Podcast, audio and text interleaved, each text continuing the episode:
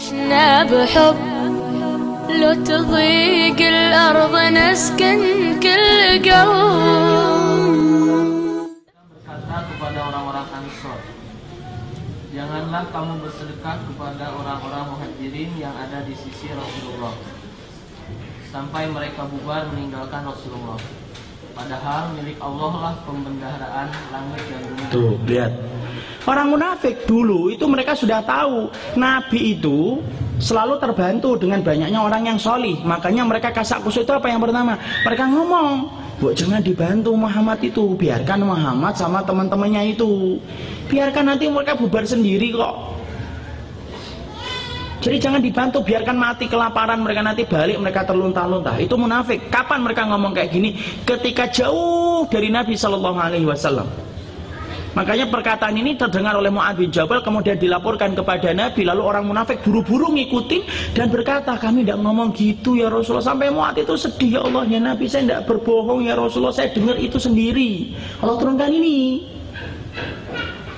Allah selalu membuka hakikat mereka tapi hati mereka ketika sudah terbalik kayak gitu yang akhirnya walaupun dibuka berkali-kali kedok mereka oleh Allah itu pun tidak bertobat Nah, itu kemudian menjadikan apa? Mereka selalu mereka akan ngomong di hadapan Nabi itu beda ketika mereka jauh dari Nabi.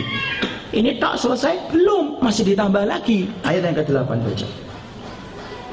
Mereka berkata, Sungguh, jika kita kembali ke Madinah Kembali dari perang Bani Mustalik Pastilah orang yang kuat akan mengusir orang-orang yang lemah dari sana Jadi orang-orang munafik itu sampai mengatakan kami akan perangi itu orang-orang yang lemah, orang yang hina. Siapa yang mereka maksudkan? Yaitu Nabi dan para sahabat. Munafik pada zaman dulu adalah munafik ketika mereka selalu punya on off. Tidak 24 jam mereka itu menjadi munafik. Itu munafik pada zaman dulu, munafik zaman dulu. Tapi beda loh, munafik hari ini lebih parah daripada munafik pada zaman Rasulullah. Kalau munafik hari ini 24 jam mereka akan memperlihatkan kenifakannya tanpa mereka pernah bisa mematikan kenifakannya. Mau di TV, mau di radio, mau di jalan sama, mau di grup sama, tidak pernah berubah, tidak pernah mati. Kenapa? Karena mereka tidak ada yang ditakutin apa pun hari ini kecuali mereka hanya ingin mendapatkan harta, kedudukan dan lain sebagainya. Ini parah sekarang kenapa? Iya. Betul-betul akhirnya apa parah dan itu yang membuat sesak dari orang yang beriman itu kayak gitu. Dan kita harus mengetahui orang yang beriman itu musuhnya lima kata Nabi. Musuhnya itu lima. Makanya Rasulullah SAW sampai menyebutkan di dalam hadis yang sahih, Innal mu'mina baina khamsi syada'id. Orang mukmin itu musuhnya itu ada lima kata Rasulullah. Orang mukmin itu musuhnya ada lima. Musuh yang pertama siapa? Mukmin yahsyuduhum. Mukmin yang hasad sama dia. Jadi kalau kita kemudian sedang berjalan di atas panggung kebenaran itu Ada nggak yang kemudian akan membenci kita hasad? Ada Nabi mengatakan musuhmu yang pertama itu mukmin yang hasad Hatinya hasad sama kamu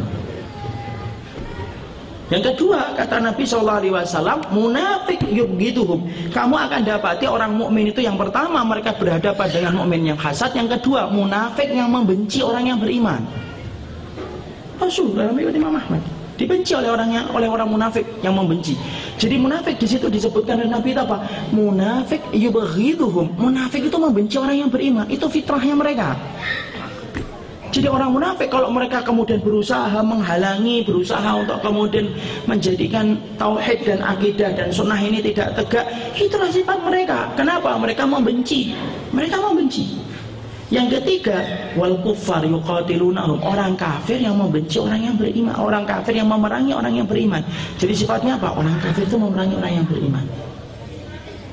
Kemudian yang keempat siapa? Yang keempat yaitu adalah Syayatin tudiluhum Syaitan yang menyesatkan.